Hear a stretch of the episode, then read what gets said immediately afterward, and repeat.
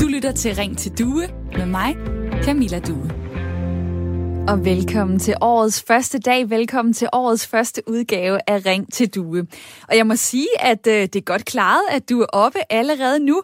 Kan vide, om du så overhovedet nåede at se noget af det her i går aftes.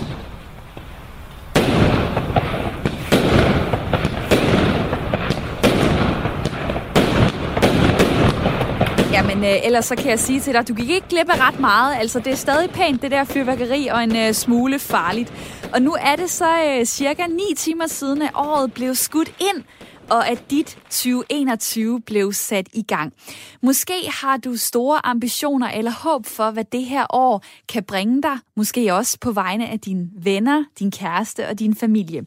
For jeg tvivler på, at der er særlig mange af os, som ser tilbage på 2020 og siger, det var det bedste år i vores liv. Mange af os håber nok på noget andet og noget bedre i 2021.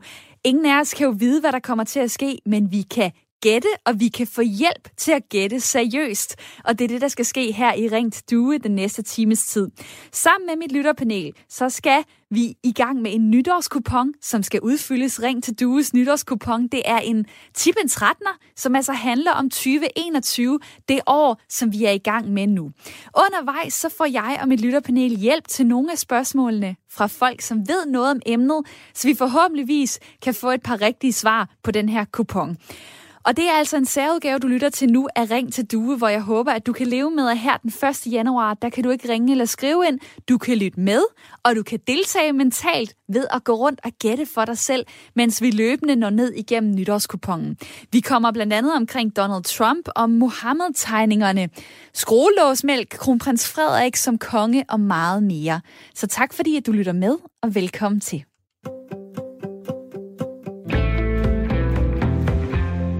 Og nu hej til mit lytterpanel, som skal være med hele timen. Det er Frederik Svind, 32 år, bor i Rosmos på Sydjurs, er foredragsholder om venskab og ensomhed og den gode samtale, har kone og tre børn. Velkommen til dig. Hej så. Tak. Hej. Og Jonna jeg er faktisk blevet 33 siden sidst. Nej, du er blevet 33 siden sidst. Du har været med i mit lytterpanel før. Jeg har inviteret dig med her i uh, nytårs specialudgaven sammen med Jonna Tede på 69 år. Uh, bor i Næksø sammen med mand, øh, har to sønner i 40'erne og er tidligere socialpædagog. Også velkommen til dig, Jonna. Tak skal du have, og godt nytår til jer alle sammen. Godt nytår. Og I to, I har altså sagt ja til at have en særlig rolle i dag. I repræsenterer lytterne derude, og skal forhåbentligvis vise, hvor gode I er til at gætte retningen for 2021. Og Jonna, lad mig starte hos dig. Hvordan har du det med, at du skal spå om det her år? Jamen, det det synes jeg er forfærdeligt usikkert. altså, vi håber vel alle sammen altid på det bedste, og der er lys forude. alle de ting, øh, der sker lige nu med corona, og, og der bliver flere og flere indlagte, og, og alle de der ting, nedlukninger, og ja, alt hvad der nu er vrede på ministerne, og, og det er jo coronaen. skyld. Al den der usikkerhed, den, den håber jeg virkelig, at den, øh, jeg tror, det bliver, jeg håber, det bliver skudt ned her i aften til nytår med alt det krudt. Det, det er meget usikkert. Ja, og vi, vi kommer jo til at gøre status på den her kupon på ting, som vi ikke ved, men altså, når vi rammer ja. slutningen af året øh, 2021 her, jamen så ved vi jo, hvor mange øh, fik vi rigtige, hvor mange fik vi forkerte. Frederik, øh, hvor mange tør du satse på, at du får rigtigt ud af de her 13 på kupongen? Mm, jeg synes jo også, at det er lidt svært over at spå om, fordi, vi, fordi det plejer at være sådan lidt mere forudsigeligt at leve øh, i forhold til den her tid. Men jeg synes, at der er nogle af dem, jeg tænker, de er rimelig sikre. Så jeg tænker at ni rigtige. Ni rigtige. Det er også ja. ret mange, synes jeg. Ja, og klart. jeg tænker da egentlig bare, at vi skal komme i gang. I, er jo, øh, for, I har forberedt jer. I har printet en nytårskupon ud. Det har jeg også gjort. Jeg står med den her. Der er 13 øh, spørgsmål, og nogle af spørgsmålene kommer vi til at gå hen over sådan lidt hurtigt. Andre går vi i dybden med, og jeg skal nok guide jer i mit panel, og også jer derude, der lytter med. Men øh, første spørgsmål, det er et meget dejligt, oplagt, konkret ja-nej-spørgsmål. Frederik, hvordan er det, det lyder? Det lyder, bliver der, skidt, bliver der skudt en ulv i Danmark? Ja, og det er jo fordi, at ulven den er fredet. Både Danmark mm. og EU, men vi ved, at den har lavet lidt uh, ravage, særligt i Vestjylland. Hvad, hvad tænker du så? Er der nogen, der, der tager geværet i hånden i løbet af 2021 og får gjort kål på de ulve, der blandt andet har drillet i Ulfsborg? Altså, nu, nu tager jeg ønsketænkning, og så siger jeg nej. Fordi og... jeg synes, at det, det skal man lade være med. Hvad med dig, Jonna? Jamen, jeg vil sige som jeg vil også sige nej. Øhm, jeg ved, der, der er 20 ulve, der er registreret i starten af 2020. Så altså, man kan jo ikke udelukke, der, ligesom den der video, vi så en gang tidligere på sidste år der, hvor der var en mand, der skød en ulv. Men øh, det, er jo ikke, det er jo ikke lovligt. Og jeg synes også, der har været mere øh, tale om dengang, at øh, der skulle være mere sikring omkring hegn og sådan noget. Altså, jeg slet ikke forstand på det der. Men øh, jeg vil umiddelbart vil sige nej. Jeg skal krydse nej. Og det øh, gør I begge to, og ved hvad, jeg lader mig, jeg lader mig inspirere af jer og sætter også et, øh, et kryds ved, ved nej-feltet. Spørgsmål nummer to går sådan her. For snakken om sexchikane, en opblomstring igen. og der vil jeg jo spørge dig, Jonna, først. Øh, vil du være træt af det, eller er det stadig nødvendigt? Jamen, jeg er træt af det. Men jeg vil sige, at øh, altså, jeg tror ikke, den stopper, øh, fordi der er, altså, der er jo talt meget om her øh, i sidste år, at øh, 21, øh, der er der mere fokus på det, fordi der bliver temadage og kurser. Øh, så det vil jo meget naturligt blive et stort samtaleemne. Og, og det er sådan set ikke et tabu mere. Så alene af den grund, der øh, kan man jo også sidde og tale med venner og, og bekendte og sådan noget, fordi man kan altid starte med at indlede, har I hørt at, og så kommer man tilbage til sit Jeg tror ikke, det stopper. Så det, tror er, ikke, det, det er da en klar øh, ja fra, fra dig. Øh, og der har jeg jo også lavet et lidt åbent spørgsmål, fordi om snakken får en opblomstring igen, der kunne man sige, jamen øh, mener du i mit netværk? Mener du i den offentlige debat i medierne? Hvad mener du? Og jeg mener ja, sådan offentligt, at det er noget, der får, får fokus og ja. kommer til at, at rykke på noget. Men et ja fra dig, Jonna, og hvad øh, hos dig, Frederik? Hvad, hvad har du sat kryds ved her? Jamen, jeg har også sagt ja her. Jeg tænker, at den er, den er vi langt fra færdig med, den her diskussion. så den kan sagtens... Ja. Øh, den, den, så mange, altså, det kan være, at vi synes, den har krævet nogle ofre nu, men øh, jeg synes ikke, at det er ikke, fordi den har krævet mange ofre i Danmark endnu. Så jeg, jeg tænker, der skal nok øh, falde på hoveder, som får det, får det til at snakke ja. om det igen. God øh, enighed øh, indtil nu i mit øh, lytterpanel. Og jeg kigger på min øh, kupon her, og nu er det tid til spørgsmål nummer tre, som jeg selv har glædet mig til at høre svaret på. Ikke kun øh, for mit lytterpanels skyld, men øh, også for min egen. Derfor så har jeg ringet til dig, Lars Tykjær. Velkommen til. Tak for det. Administrerende direktør hos Danmarks Rejsebyråforening, som er en brancheforening for danske rejsebyråer. Og det er fordi, at øh, spørgsmål 3 lyder sådan her. I 2021 kommer vi så til at kunne rejse til flere end 10 gule udlandsdestinationer. Og der skal du så hjælpe os med et svar. Hvad tror du, ja eller nej? Jeg siger ja. Helt klart. Det bliver, det bliver mere end 10 uh, øh, udlandsdestinationer, og dermed lande. Uh, og, og det bliver forhåbentlig også mange flere. Ej, hvor dejligt. I hvert fald for os, der kan lide at rejse, der står jeg bare med armen i vejret og siger, yes, ej, hvor fedt. Jamen, vil du lige egentlig uddybe, øh, hvorfor kan du være så optimistisk? Jamen, det, det er dels fordi, vi har fået øh, en vaccine på banen nu, som forhåbentlig jo betyder, at øh, der i løbet af anden halvår, altså fra juli og frem, øh, er, er kommet så god en dækning på vaccinedelen, at, at det i sig selv kan betyde, at, at øh, man kan ånde mere lettet op. Derudover så er der kommet noget, der hedder regionale rejsevejledninger, så selvom der kan være områder i et land, der kan være øh, stadig være ramt af covid, når vi rammer næste sommer, Øh, så kan der være andre områder, som ikke er ramt, altså øgrupper i det pågældende land, eller, eller specielle øh, regioner, som øh, måske ikke har så mange besøg, eller hvad, der kan være mange årsager. Så det er den anden del. Og den tredje del er, at vi ved jo fra i sommer faktisk, altså 2020, at øh, når det bliver varmt i vejret, så bliver der øh, mindre smitte. Øh, for det kan virusen ikke lide. Og det vil sige, om ikke andet af den grund, så vil der jo også være en, en bedre periode, når vi rammer, lad os sige, maj, juni, juli måned. Så, så der er tre gode grunde til det. Og jeg er ret sikker på, at der kommer til at være mere end 10 destinationer. Så du kan godt begynde at glæde dig. Ja, jeg øh, sætter stort kryds ved jer i hvert fald. Så må vi se, hvad mit uh, lytterpanel siger lige om lidt. Men lad mig lige dykke ned i det der med, med farverne på, på verdenskortet. Altså, det er jo noget, vi måske ikke gik så meget op i før corona. Nu taler man lige pludselig i gule destinationer, for eksempel. Det betyder jo, at Udenrigsministeriet ønsker at vise os noget med de farver i forhold til, hvilket sikkerhedsniveau de mener, der er i landet. Øh, den gule farve, det er der, hvor man skal være opmærksom, men man også stadig kan rejse på almindelig ferie. De orange lande, som er øh, hele verden øh, lige nu stort set, jamen altså der fraråder Udenrigsministeriet alle ikke nødvendige rejser, for eksempel den almindelige turistrejse. Øhm, de her mm. farvekoder, øh, hvad har de egentlig haft af betydning for jeres medlemmer, altså rejsebyråerne? Ja, det, altså, det har haft en betydning, at netop det, du nævner, ferierejse eller eller ikke nødvendige rejser, som det hedder i Udenrigsministeriets sprog, at det er stort set forsvundet. Der har været nogle rejser i løbet af sommeren til visse områder i EU, men, men generelt så stoppede det hele jo sådan tilbage i, i, i marts måned 2020, altså 13. marts, hvor man frarådede rejser til hele verden. Og det har jo så betydet, at der er nogen, der rejser afsted, ganske, øh, ganske mange faktisk her i 2021 i forhold til, hvad der har været de sidste seks måneder. Så folk er begyndt at sige, at det kan godt være, at der bliver frarådet, men vi tager afsted alligevel. Og vi har øvrigt en forsikring, og, og det sted, vi skal hen, der tror vi ikke på, at der er noget. Så det, men, men generelt er vi blevet hjemme, simpelthen. Og der, altså, de rejsbrugere, der har haft øh, destinationer på deres øh, spisekort, som ligger uden for EU, de har stort set ikke solgt den eneste rejse siden 13. marts 2020. Så det har været rigtig hårdt, altså, og der er desværre også nogen, der er gået konkurs eller har valgt at lukke. Lad mig lige øh, til sidst få dig til at give et ekstra gæt. En konkret dato i 2021, hvor danskere igen kan sætte sig i et øh, charterfly på vej til en gul rejsedestination, altså en ferie.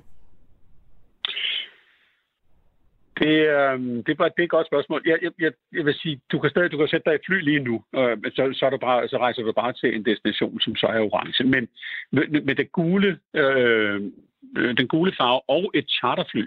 Et charterfly står jo ikke bare og venter ude i lufthavnen, de skal jo også lige planlægges. Der vil jeg tro, vi er henne omkring påske, øh, og, og måske endda lidt senere, før at den første destination kommer på plads.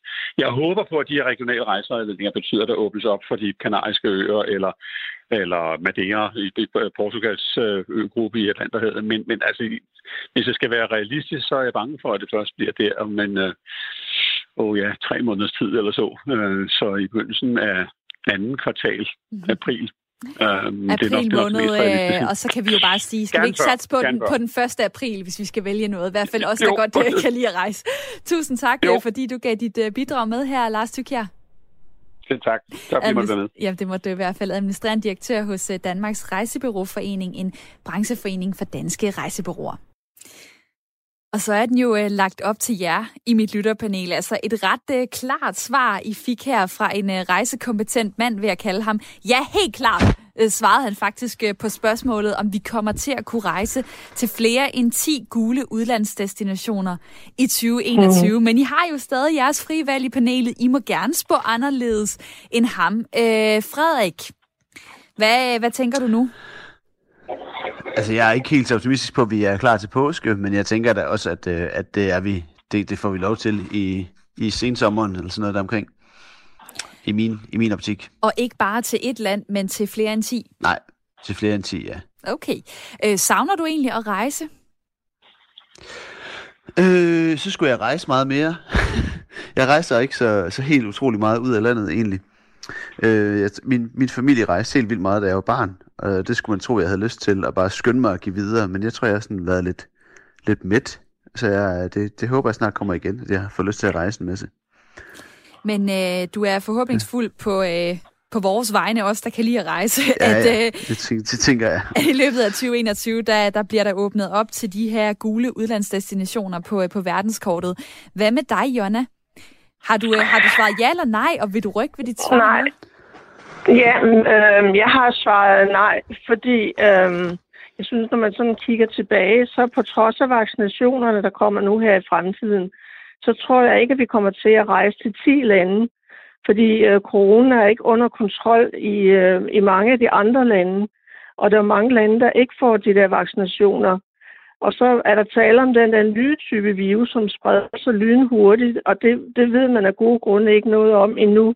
Men øh, hvis den også spreder til en pandemi, og der måske kommer flere, jeg ved godt, det, det er sådan nogle øh, måske, men altså vi kan ikke sige andet nu, vel? Og yderligere så er der millioner i verden, som, øh, som ikke har adgang til medicinen. Og der, der er jo også nogle af dem, der får besøg af, af europæere andre lande og sådan noget hvor de kan få smitte, ligesom i, øh, i Kina, da det startede. Ikke? Og så, jeg tror ikke, de tør åbne op de 10 lande, fordi de har jo alle sammen prøvet konsekvenserne rent økonomisk er den første nedlukning. Og økonomien i de der lande, den tror jeg ikke kan holde til, til nedlukning en gang til. Så vi er så... privilegeret at bo i Danmark. Du, du, ja. du, du står altså fast på et nej, selvom du lige har hørt uh, Lars Tyk her fra rejsebranchen sige noget andet. Ja, men ved du hvad, jeg synes, det er så uenige. Altså, så øh, respekt, men altså, nej, jeg siger nej. Jamen, det er bare helt i orden. Og øh, det var til spørgsmål 3 på øh, Ring til Dues nytårskupon. Øh, nu er vi nået til spørgsmål 4, og har du lige tændt for øh, kanalen her, så velkommen til. Det her, det er Radio 4's lytterprogram. Jeg hedder Camilla Due, og i dag der sender jeg en særudgave til dig, hvor vi spår om, hvordan året, som jo lige er blevet skudt i gang, hvordan det bliver. Du kan ikke ringe eller skrive ind i dag, som du plejer, men du kan gætte med sammen med os. Og det er mit lytterpanel og jeg, og vi har alle sammen øh, den samme 13'er kupon, den samme Tibin 13'er nytårskupon. Og jeg synes, at øh, spørgsmål 4 skal siges højt, mens vi hører den her.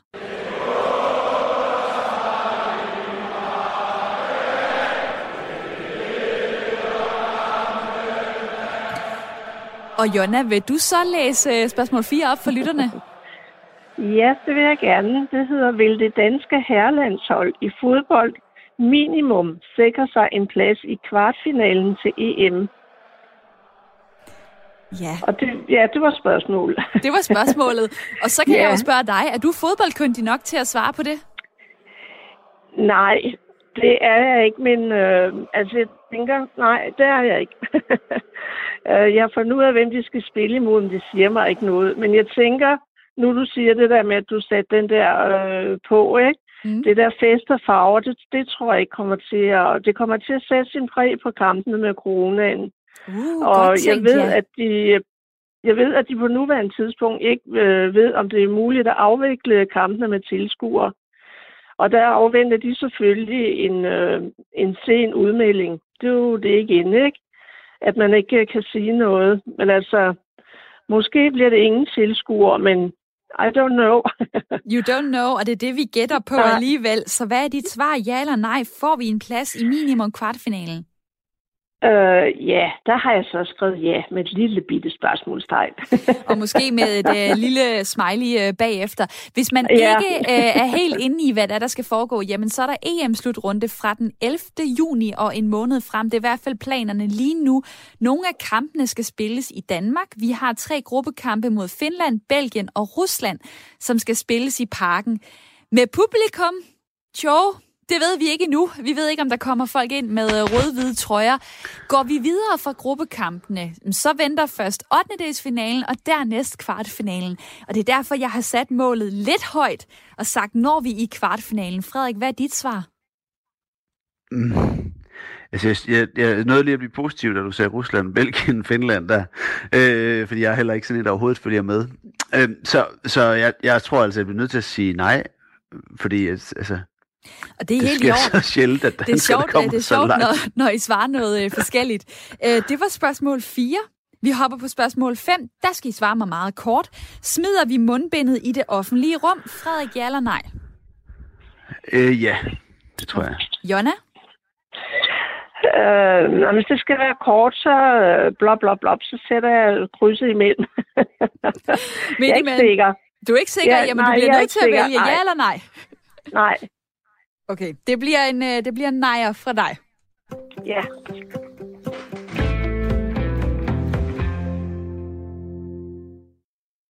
Vi er nået til det næste spørgsmål, spørgsmål nummer 6, og det lyder sådan her. Vil danske medier stadig skrive historier om Donald Trumps tweets, når vi når frem til den sidste uge af 2021? Altså er de tweets, som Donald Trump skriver, er det noget, der stadig kan skabe overskrifter om cirka et år fra nu? Og inden mit lytterpanel skal svare på det, så får I lige lidt uh, kvalificeret input fra Katrine Villarreal Willumsen, som er SOMI-analytiker hos kongressen.com. Velkommen til dig. Tak skal Det er et uh, netmedie, som blandt andet skriver en hel masse om amerikansk politik. Og inden at uh, du svarer på spørgsmålet fra nytårskupongen, så synes jeg lige, du skal fortælle os, hvorfor er det egentlig, at Twitter er sådan et oplagt medie for Donald Trump?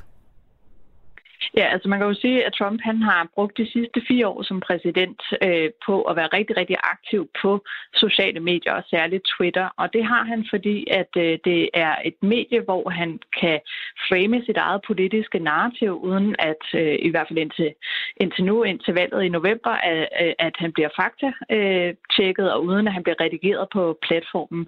Og det har gjort, at han øh, ligesom har været med til at kunne skabe sin egen politiske agenda, sin egen politiske fortælling, øh, som han jo har brugt over for sin vælgerbase og også øh, i amerikansk politik.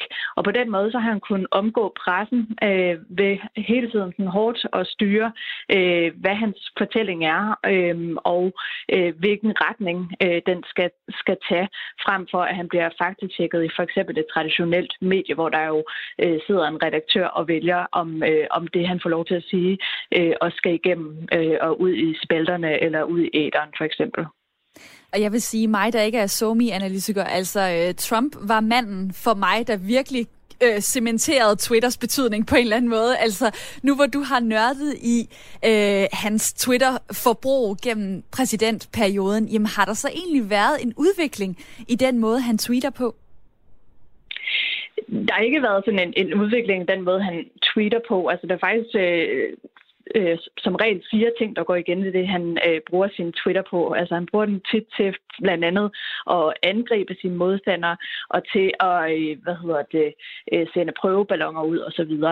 Øh, men jeg synes, der har været en ændring i den måde, som vi har tilgået ham på på Twitter. Altså i starten, så var det ligesom, så var det bare den kanal, hvor øh, vi fik alle svarene fra Donald Trump, fordi han var jo USA's præsident, øh, til at vi i dag måske er lidt mere kritiske som medier og som platformene selv, der jo her i kølvandet af det amerikanske amerikanske valg i november jeg begyndt at faktatjekke ham. Men det har immer væk taget fire år, og i de fire år, der har han haft god tid til at øh, smide en masse øh, af sine egne narrativer ud, og, og også dele misinformation og konspirationsteorier opbildende til øh, ulydigheder øh, rundt omkring USA, og særligt i, i øh, højrefløjen i USA. Øh, og det har jo altså taget fire år at, at finde ud af for medierne og for, øh, for platformene selv. Og så synes jeg faktisk ikke, det er et dårligt spørgsmål at putte på en uh, nytårskupon for 2021. Vil danske medier stadig skrive historier om Donald Trumps tweets, når vi når frem til den sidste uge af 2021? Hvad er dit svar? Er det ja eller nej? Ja, det vil det. Og er det egentlig et svært spørgsmål? Hvorfor siger du ja?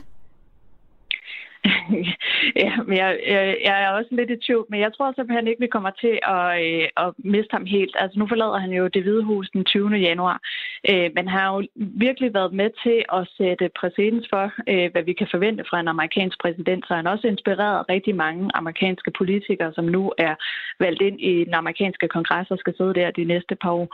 Øh, og samtidig så har han jo brugt øh, netop Twitter til at puste til mange af de her ting, vi har snakket om, altså øh, voksne konspirationsteorier, mere og mere ekstrem højrefløj, et splittet USA. Så jeg tror, han forlader det øh, hvide hus den 20. januar, men vi slipper ikke for alle de her andre ting, og det kommer vi også til at høre mere om i 2021. Og der, øh, der tror jeg, at han bliver sådan en, der kommer til at sidde ude i periferien og disrupte de forskellige samtaler og politiske agendaer. Øh, og lykkes det for ham at få spillet lidt ind der, så tror jeg også, at vi kommer til at høre mere til hans tweets i 2021. I hvert fald tusind tak, fordi at du vil give dit bud, Katrine Villarreal Willumsen. Selv tak. Somi-analytiker hos netmediet kongressen.com, som skriver om blandt andet amerikansk politik. Og med det her i baghovedet, så er det jeres tur, mit øh, lytterpanel. Vi har ganske kort tid til et, øh, før vi skal have et nyhedsoverblik. Men øh, hvad svarer du, Frederik, på det spørgsmål? Det ja. Jeg tør godt at svare nej til det. I hvert fald i samme omfang, som vi har oplevet nu. Det, det, det er også et håbesvar, vil jeg sige. Ja, det er jo også det, at øh, man, man, det er okay, man en gang imellem putter ind i, øh, i sine øh, små krydser her på, øh, på ja. nytårskupongen. Og øh, hos dig, Jonna, hvad, hvad Jamen, ønsker har, du, og hvad svarer du? Jeg har svaret nej. Jeg er sikker på, at danske medier, de, øh, de interesserer sig ikke for ham i den sidste uge af næste år. Det tror jeg ikke på. Og det er jo interessant, ja, fordi jeg har jo netop, netop puttet ordet danske medier øh, ind i, i spørgsmålet her. Og ja. øh, den var I så øh, enige om. Og vi taler øh, videre lige om lidt, hvor vi fortsætter med at udfylde vores nytårskupon, Tippen 13, og hvor temaet altså er, hvordan vil det her år og 2021 forløbe? Det er det, vi spår om. Og efter nyhedsoverblikket, så er øh, blandt andre kronprins Frederik og også Mohammed-tegningerne på kupongen. Så jeg håber, at du bliver hængende her på kanalen kanalen, og om lidt så får du altså anden del af det her nytårs særprogram, som jeg har lavet til jer derude. Men først et nyhedsoverblik.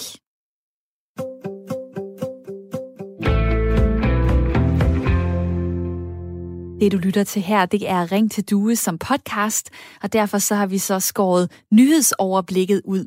Så her kommer anden del af programmet, der blev sendt den 1. januar 2021 i radioen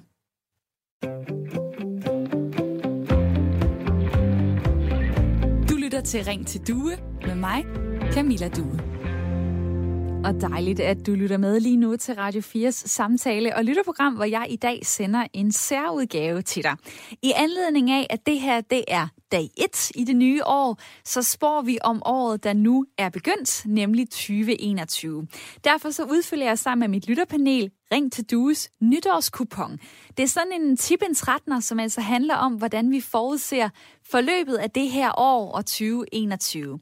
Indtil nu har vi været omkring, om vi tror på minimum en kvartfinalplads til det danske herrelandshold, når der skal spilles EM-slutrunde i fodbold i juni her i Danmark. Vi har også talt om rejsemulighederne for 2021, om sexikane-snakken vender tilbage, om vi smider mundbindet osv., og nu skal vi til øh, til nogle andre spørgsmål. En gang imellem så får jeg et input øh, fra nogle gæster, der ved noget inden for de emner, spørgsmålene handler om. Altså nogle kloge mennesker, som har en særlig viden at byde ind med, inden mit lytterpanel øh, skal svare. Vi har nu syv spørgsmål tilbage på kupongen, og i den her halve time, der får vi også lidt hjælp, hist og pist, og imens så knokler mit lytterpanel for at give deres allerbedste bud. I dag i panelet, så er det Frederik Svendt, 32 år, bor i Rosmos på Sydjurs, af for foredragsholder om blandt andet venskaber, ensomhed og den gode samtale. Og det er Jonna Tede, 69 år, bor i Næksø øh, og er tidligere socialpædagog. Velkommen til jer begge igen. Tak. Tak igen. og I to, I repræsenterer jo altså lytterne i dag, hvor man desværre ikke kan ringe eller øh, sms'e ind.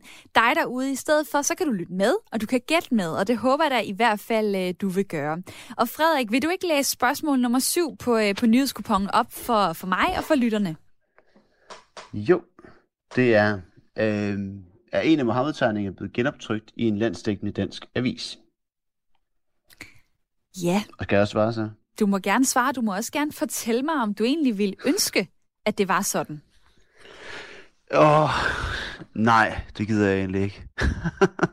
jeg tror ikke, det er ikke sådan uh, for at være konfliktsky og stikke hovedet mellem benene dansker. Uh, jeg synes bare, der er en eller anden respektløshed øh, i den tone øh, og behovet mm. for at, at få printen igen, og for ligesom at skulle, skulle puste til nogle flammer, som virker unødvendigt at gøre på den måde. Så det er ikke fordi, jeg ikke synes, man skal kritisere, at man ikke må kritisere islam eller øh, voldsomme ting, der foregår og alt den slags, men jeg synes bare, det ødelægger tonen helt vildt meget, når man gør det der.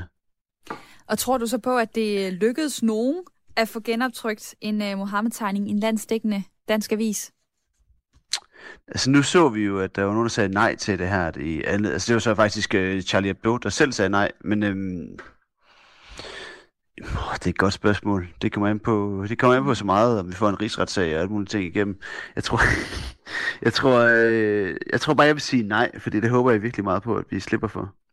Og at, øh, at der er ikke nogen, der gider det. Og, Selv øh... aviserne heller ikke gider det. Det er, det er et nej, som du håber på, og som du også øh, spår om. Og, øh, og Jonna, ja. det korte bud fra dig. Øh, hvad tænker du ja eller nej til, om en Mohammed-tegning bliver uh, genoptrykt? det kan ikke blive kort. Det kan ikke blive kort. Så kort som Ej, du jeg kan så. mærke, at det løb med mig. Den, nej, men øh, altså, jeg tror heller ikke, det bliver... Altså, der, bliver, der kommer en tegning igen, men altså... Øh, du vil gerne have um, en, øh, en Mohammed-tegning genoptrykt? Ja, det vil jeg i protest, var jeg lige ved at sige. Men jeg tror ikke, der kommer en. Nå, så du tror ikke? Okay, så jeg skal måske bare nej, placere den over i nej. men jeg håber det. Okay. ja, lad os, øh, lad os uh, krydse i midten igen. Uh, den bliver svær at vinde for dig, vil jeg sige, Jonna Maldi krydser i midten. Men, men jeg, jeg, jeg hører, hvad du siger, så, så kan jeg tolke det sådan, når vi, når vi når frem til at, at skulle kigge på, hvad, hvad for nogle svar, uh, der var de rigtige i løbet af, af 2021. Og jeg kan egentlig godt forstå, at det her spørgsmål, det kan være svært at svare på. Altså, bliver en af Mohammed-tegningerne genoptrykt i 2021? Det er faktisk en snak, som jeg har taget med lytterne i Ring til Due tilbage i september, den 30. september sidste år. Skal jeg jo lige lære mig selv at sige, sidste år, det var 2020, altså i forhold til, om folk ønskede tegningerne genoptrykt eller ej. Og det var fordi, at øh, i september 2020, jamen, der var det 15 år siden, at Jyllandsposten bragte de der 12 satiretegninger af profeten Mohammed, og det satte gang i en ret lang sej kamp med protester og store konsekvenser verden over. Det blev også startskuddet til snakken om ytringsfrihed, som også blev temaet, da jeg tog emnet op i september i den normale version af Ring til Due. Dengang så valgte Jyllandsposten jo og mange andre danske medier ikke at genoptrykke tegningerne, heller ikke for at markere årsdagen. Og sidenhen så har der jo været mange flere diskussioner om det her. Nye borgerlige vil gerne have tegningerne trykt, det lykkes ikke. Øh, skal tegningerne indgå i materialer til skoleelever osv.? Altså det har været en enorm betydningsfuld begivenhed for os som land, og diskussionerne de foregår stadig. Så jeg kan da egentlig godt forstå, at det er et ret svært spørgsmål, som kan skabe lidt uh, ravage på en uh, nytårskupon. Men nu springer vi videre.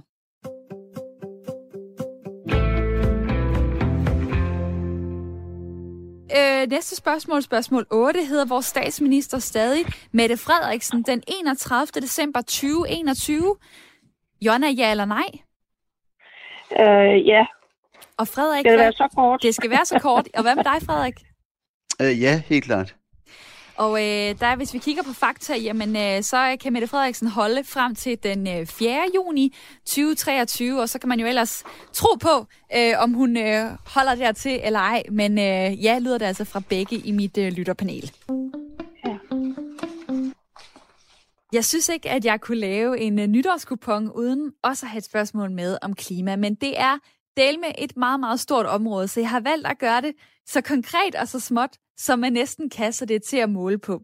Og jeg ved ikke, om du kan huske, at der var en historie i løbet af efteråret, hvor Arla meldte ud, at de ville være CO2-neutrale i 2050, og som led i det, så valgte virksomheden så nu at fjerne plastikskruelåget fra deres kartonger med økomælk.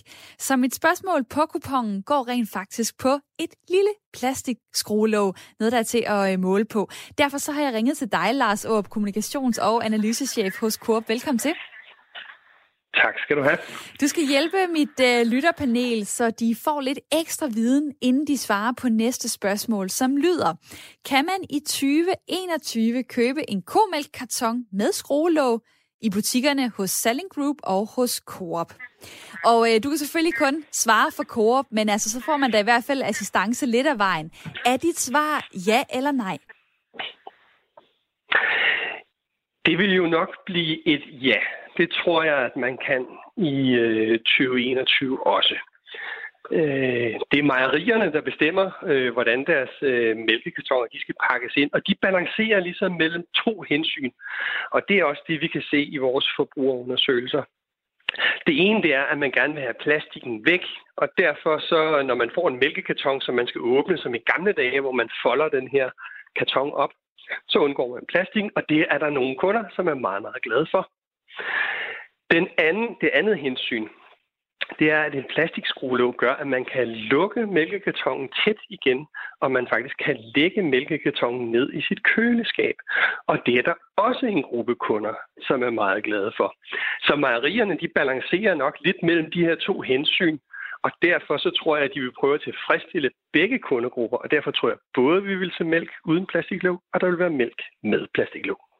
Og i Coops butikker, så er det jo så sådan noget som Fakta og Superbrusen og Irma øh, hos Selling Group, der er det Netto, øh, Føtex, Bilka. Øh, nu er du jo lidt inde på det her med at prøve at, ligesom at plise forskellige øh, kundegrupper. Det er jo ikke dig, der øh, arbejder hos Arla, men lad mig spørge dig, er det meget almindeligt, at man måske har et mere øh, klimatungt og et mere klimalet produkt på hylderne fra den øh, samme virksomhed? Vi kan i hvert fald se, at alle virksomheder, også slagterier, også mejerier, de begynder at kigge på, om de kan lave plantebaserede produkter også. Det er ikke fordi, at det er særlig stort. Altså plantedrik i forhold til komælk er stadig meget lille. Det er måske 3% af det samlede mælkeforbrug. Men det er noget, der vokser, og det vokser kraftigt. Hvorimod forbruget af komælk til at, at drikke, altså de mælkekartoner, vi får i køleskabet, at det falder. Mm. Så der er ingen tvivl om, at ud i fremtiden, der vil øh, plantebaserede varer, de vil fylde mere. Og, øh, og det tror jeg, alle virksomheder har, har indset og, og øh, er begyndt at starte udvikling og, og produktion af det i, øh, i forskellige skalastørrelser. Ja, fordi nogle af de der normale varer, vi putter i kurven, som for eksempel øh, mælk og pålæg og smør, altså der er det jo meget interessant at se, at der kommer for eksempel vegetariske og veganske udgaver, vegansk pålæg, øh, vegansk øh, smør, hvis man så stadig kan kalde det det. Men det var altså noget, der ligesom taler ind i en klimadagsorden. Øh, hvor konkret kan du være? Altså, hvad kommer ellers til at ændre sig i Coops butikker i løbet af 2021, som går i en mere grøn og, og klimabeskånende retning? Jamen generelt kan vi jo se, at danskerne de spiser øh, lidt, øh, lidt lettere mad, lidt grønnere mad. Øh, vi spiser lidt mindre øh, oksekød og lidt mindre svinekød. Til gengæld spiser vi lidt mere kyllingekød. Så vi bevæger os lidt væk fra det der meget klassiske sovs- og kartoffelkøkken med øh, medisterpølse øh, eller med, med bøffer ved siden af, og så over i noget, der er lidt grønnere og lidt lettere. Nu kommer corona lige og vender lidt op og ned på det hele, så alle supermarkeder de oplever, at der bliver solgt lidt mere mad, end vi plejer. Fordi restauranterne er lukket, og kantinerne er lukket, eller man arbejder hjemme. Så det giver et lille niveauskifte. Men den overordnede tendens, det er stadigvæk, at vi bevæger os i en lidt grønnere og lidt lettere retning over for og der gav du mig egentlig nærmest inspiration til, øh, til et nyt spørgsmål til næste års nytårskupon. Men Lars Håb, tusind tak, fordi at du vil give dit bidrag til mig og til lytterpanelet. Du er meget velkommen. Kommunikations- og, øh, ja, i lige måde, kommunikations- og analysechef hos Coop. Og sådan blev vi altså øh, klogere på vores handlemønstre, og også på spørgsmålet, øh, kan man købe en komælkkarton med skruelåg? i butikkerne hos Selling Group, det er Netto Føtex Bilka, og hos Coop Fakta Superbrusen og Irma. Svaret fra Coop var altså ja, eller det var sådan, ja, det kan man, men der vil også blive øh, rykket ved nogle ting. Øh, Frederik, hvad tænker du egentlig om det her spørgsmål, og hvad har du svaret? Hmm, altså, det er jo en, en lille brik i en stor omstilling, men jeg havde egentlig svaret, at øh, det, jeg havde svaret, inden jeg blev klogere, at det kunne man ikke. Men når jeg nu øh, hører ham, så kan jeg godt sige, at det, det tror jeg da ikke var det rigtige svar. Så jeg, så jeg ændrer mit svar og siger, at øh, hvis jeg må det, må jeg det? Det må du. Var det ikke det, der var meningen, at jeg skulle blive klogere? Så siger jeg, at, at det kan man godt. Øh, men jeg tænker, det er, det er jo bare et lille bitte led i en meget stor omstilling, øh, at man gør det. Men en god ting, jeg synes, at det er irriterende, at man skal stå og skære det ud, eller også bare smide det hele i skraldespanden, i stedet for at kunne have pap og plast øh, adskilt som produkt. Og hvad med dig, Jonna? Hvad har du svaret, ja eller nej? Tror Jamen, du, at, jeg, tror du, at man kan købe jeg er fuldstændig enig med Frederik. ja, nå, okay. Men jeg, jeg mener, at kunne huske, at ej, det er noget pjat, det er noget, jeg har læst i dag, at øhm, Coop, det inde på Coops side, der står ved at udfase skruelåget på deres økologiske mælk, så kan Arla årligt reducere CO2-udledningen med 440 tons. At det, det var alligevel en sæt. Men som han sagde, øh, den her, der var igennem lige før, så bliver det første øh, udfaset indtil to, 2050.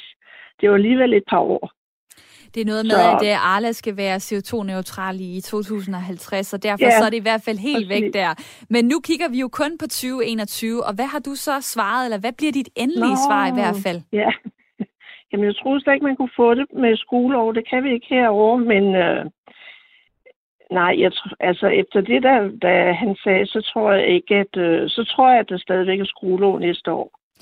Det er i hvert fald øh, sådan, man kan læne sig op af, af en mand, der, der ved en del om, hvad der kommer ja. til at, at foregå ja. øh, i, øh, i, i butikskæderne hos, hos Coop. Et ja fra jer begge to, at man både kan købe øh, mælk med og uden skruelåg i ja. 2021.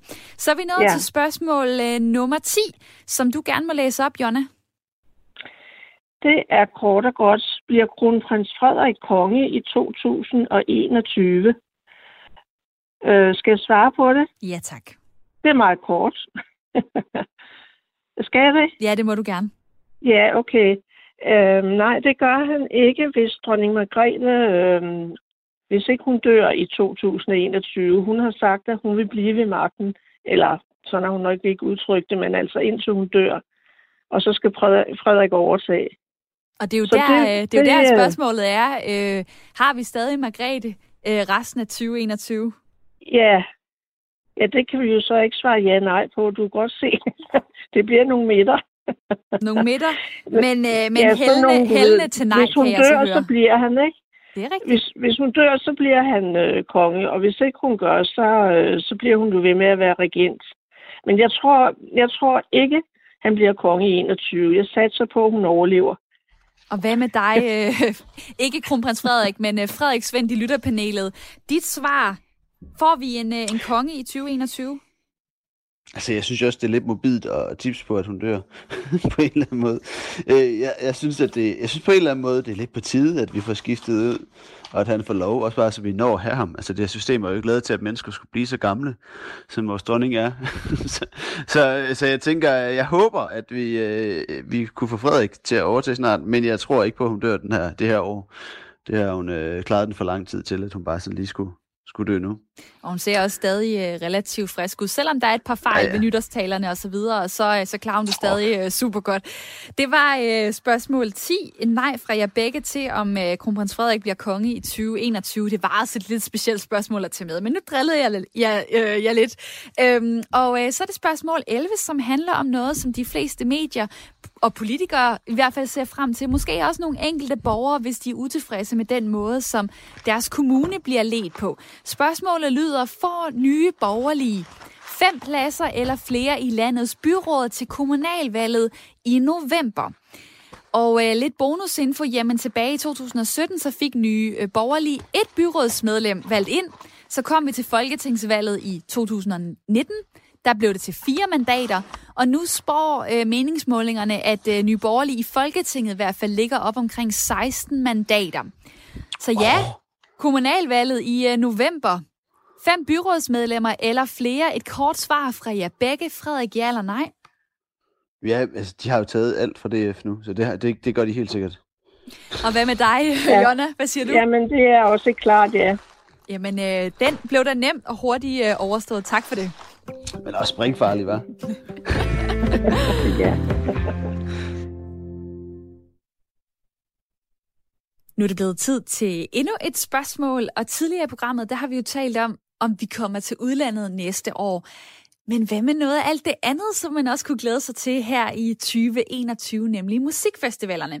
En, der skal hjælpe os med at kigge ind i fremtiden for det område, det er dig, Esben Marker. Tak fordi, at du vil være med. Ja, selv tak.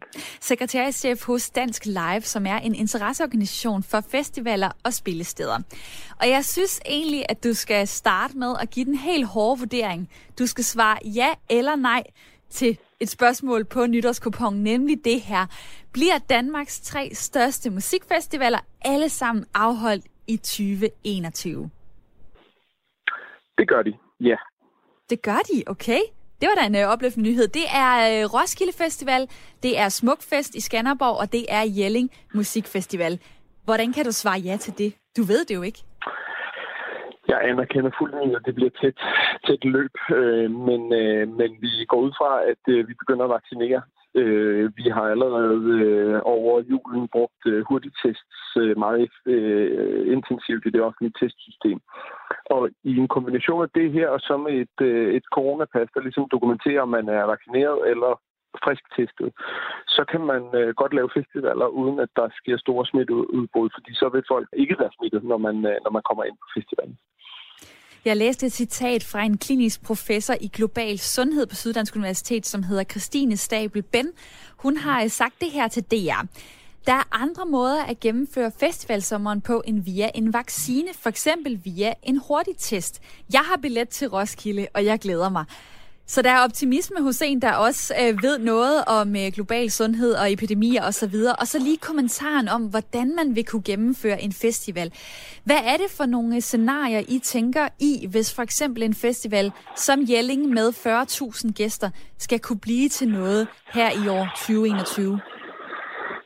Jamen altså helt simpelt, så handler det jo om, at man på ved ankomst til festivalen, der skal man have mulighed for kontrollere, om folk er øh, enten vaccineret eller øh, testet øh, inden for øh, få timer øh, eller døgn før man ankommer, og dermed ikke kan øh, sprede smitte, øh, eller der er lav statistisk øh, sandsynlighed, øh, lærer jeg mig selv at sige på, at før man spreder smitte inden bag ved festivalhegnet. Og det er jo, man kan sige, det er jo lige præcis derfor, at hurtigtest er relevante, og man kan sige, at Christine fra, fra Syddansk, hun er ikke den eneste af de sundhedsfageksperter, der er på området, som, som tror på det her. Det er der flere andre, der gør. Og det er jo fordi, man kan sige, den lange PCR-test, som, som, vi, som er den, man tager i sundhedsvæsenet for lavet, som tager nogle døgn og de svar, den er, det er guldstandarden. Og de her hurtigtests, de er måske ikke helt lige så sikre, men de fanger øh, hovedparten af dem, der er positive under alle omstændigheder. Og det klart, det er ærgerligt at stå med en billet og så, og så bonge ud som, som positiv, og det skal vi have fundet en løsning på sammen med, sammen med arrangørerne. Men, øh, men hvis man ikke kommer ind øh, med smitte, så, så vil der jo ikke ske de her store smitteudbrud. Så, så det, er jo det, vi, det er jo det, vi tror på, det er det, vi har arbejdet på hele, hele efteråret i virkeligheden. Nu siger du lige ordet ærgerligt. Jeg kan også tænke på noget andet ærgerligt, nemlig at øh, det går rigtig godt. Øh, vi er nået frem til foråret. Øh, smitten den falder. Og så holder man en kæmpe stor festival med øh, måske 40.000 mennesker. Og der er lige nogen, der er øh, sluppet igennem, eller der er nogen, der er blevet sådan smittet lige på aller sidste planke, inden de øh, trådte ind på festivalpladsen. Og lige pludselig så har man sådan et superspreder-event. Hvorfor tør jeg overhovedet sådan begive jer ud i sådan noget? Vi ved, at de udendørs begivenheder er der, hvor der øh, er lavest smittespredning. Det er øh, på den her års tid, når man er indendørs, når man er tæt forsamlet, det er der, der sker rigtig stor smittespredning. Og de her historier om superspredning, superspreder, det er jo på indendørs bare tilslignende miljøer. Øh, når man er udendørs, så sker der lavere øh, spredning af, af de her aerosoler, simpelthen fordi der er større ventilation ude i, ude i, det, øh, ude i det åbne. Og, og derfor tror vi på det, når man kommer det med testscreening og, og hvad der ellers sker omkring os. Og så skal vi jo ikke glemme, at vi jo alle sammen som, øh, som øh, ja, mennesker har flyttet os i det her. Det kommer også til at være nogle andre gæster, man får på festival øh, til sommer, end, end man havde i 19, fordi vi alle sammen har taget det her med ind og, og gøre vores yderste for at vaske hænder, og øh, nogen øh, vil nok også tage på festival med mundbind på, og så videre. Ikke? Så, så, så vi, det er jo samspil imellem arrangørerne og, øh, og gæster, det her skal løses. Det er i hvert fald et øh, optimistisk svar for dig, som vi kan putte ned på øh, nytårskupongen 2021. Ring til Dues nytårsquiz. Tusind tak, fordi du var med her, Esben Marker. Selv tak. Sekretærchef hos Dansk Live, som altså er en interesseorganisation for festivaler og spillesteder. Nu glæder jeg mig til at høre, hvad øh, mit lytterpanel siger til det her. Og jeg synes, at vi skal begynde øh, hos dig, Frederik. Øh, tre af Danmarks største festivaler, bliver de afholdt i 2021? Ja, det gør de. Øh, det gør de helt sikkert. De finder en eller anden vej. Jeg tænker, at øh, nu er vi blevet meget klogere, end vi var sidste sommer, og der er løsninger. Så jeg er med vores, øh, vores lytter, eller vores ja, Roskilde medarbejdere her, at, øh, at det helt klart bliver sådan, at vi godt kan, kan gennemføre et, øh, nogle forskellige festivaler. Det kan godt være, at det så bliver noget med, at man ikke bare bor helt så hulter til bulter, eller at der er grænser imellem de forskellige lejre på Roskilde, eller hvad end det nu skal være. Men det finder en vej, det er jeg sikker på. Man kan også sige, hvis uh, S. Marker fra uh, Dansk Live, som vi lige hørte før, uh, en interesseorganisation for festivalerne blandt andet, hvis han måske sagde nej lige nu, vil han nok ikke være den rette sekretariatschef. Men altså, uh, Jonna, hvad, hvad, det, hvad er dit gæt? Altså, det er Roskilde Festival, det er Smukfest yeah. i Skanderborg, og det er hmm. Jelling Musikfestival, vi taler om. Jamen, der står i spørgsmålet, bliver tre af Danmarks største musikfestivaler alle sammen afholdt? Og der, det har jeg svaret nej til. Fordi øh, der, er også, der er nogle biologer, som øh, er skeptiske, og de siger, at der kan slet ikke nås at være sikker på ikke-spredning allerede til den kommende sommer her. Mm. Og, øh, og jeg synes, det, det vi sådan har oplevet, når vi kigger tilbage øh, på den tid, der er gået, det er det der med at vaske hænder og mundbind, det går sådan forholdsvis godt, men det er det med at holde afstand Altså, det, øh, det er som om, det kan man godt i starten, men så bliver det jo sjovt, og man skal jo, det er jo en festival, ikke? Og så tror jeg ikke på, at der kan være en meter eller to imellem folk. Det, så jeg, jeg vil sige nej. Og det øh, gør, at øh, vi når ned til spørgsmål nummer 13. Jeg kan se, at øh, I har været uenige indtil nu på fire af spørgsmålene, hvor øh, otte af dem øh, har I været øh, nogenlunde enige øh, om. Og jeg synes, at øh, vi skal fejre det sidste spørgsmål, fordi det er så godt et spørgsmål, og lytterne ja. ved ikke, hvad det er endnu, men det lyder sådan her. Er Ring til Due stadig på Radio 4's sendeplan den 31. december 2021. Så kunne jeg jo hjælpe jer på vej med mit eget personlige gæt. Jeg kunne ringe til min chef. Hun ligger sikkert og sover lige nu. Øh, det synes jeg ikke, jeg øh, skal gøre mod hende, hvis hun har været til en rigtig god nytårsfest. Så jeg vil lade svarene være op til jer. Dig, Jonna, til sidst. Øh, hvad, hvad gætter ja, du på? Da, ja, ja da. ja, jamen det var da... Selvfølgelig er det det. Selvfølgelig. Jamen, og hvad med dig, Frederik? Er der brug for noget nyt? Ja. Nej, no. det, det er okay, Camilla. Vi vil gerne høre på dig lidt mere. Du, vi vil godt, ja. godt blive. Nå, nej, hvor dejligt. Jamen, jeg vil også gerne fortsætte med at, øh, at høre på jer og på, øh, på resten af lytterpanelet, hvor der efterhånden snart har været 300 mennesker med øh, i løbet af både det her år og så også øh, 2019, hvor jeg jo gik i æderen første gang øh, den yeah. 1. november 2019. I hvert fald øh, så tænker jeg da, at øh, året kunne ikke starte på en bedre måde for mig at få ring til Due i dag, hvor, øh, hvor jeg altså sendte en særlig nytårsudgave til dig derude. Tusind tak til mit lytterpanel, som øh, bestod af to spokkoner. Det var i Rosmos på Syddjurs øh, spokkone 1, Frederik Svind, 32 år, nu 33. Tak for din tid. Velkommen. Selv tak. Og øh, på Nexe øh, på Bornholm, spokkonen Jonna Tede på 69. Også mange tak, fordi du var med her. Ja, selv tak. Godt og, nytår. Øh, godt nytår. Hvis øh, Ring til Du er på sendeplanen også den 31. december 2021, så vil jeg i hvert fald glæde mig til at gøre status med jer igen og kigge på den her øh, nytårskupon og se, hvem der fik flest rigtige. Vi lavede altså Ring til Dues nytårskupon Tiven 13 for 2021. Måske er det slet ikke os her i radioen. Måske er det dig derude, der har gået og gættet med, som egentlig burde få en øh, præmie. Dejligt i hvert fald, hvis du øh, kunne lide det, du hørte her, og jeg er tilbage på mandag i en almindelig version med Ring til Due. Nu får du nyheder.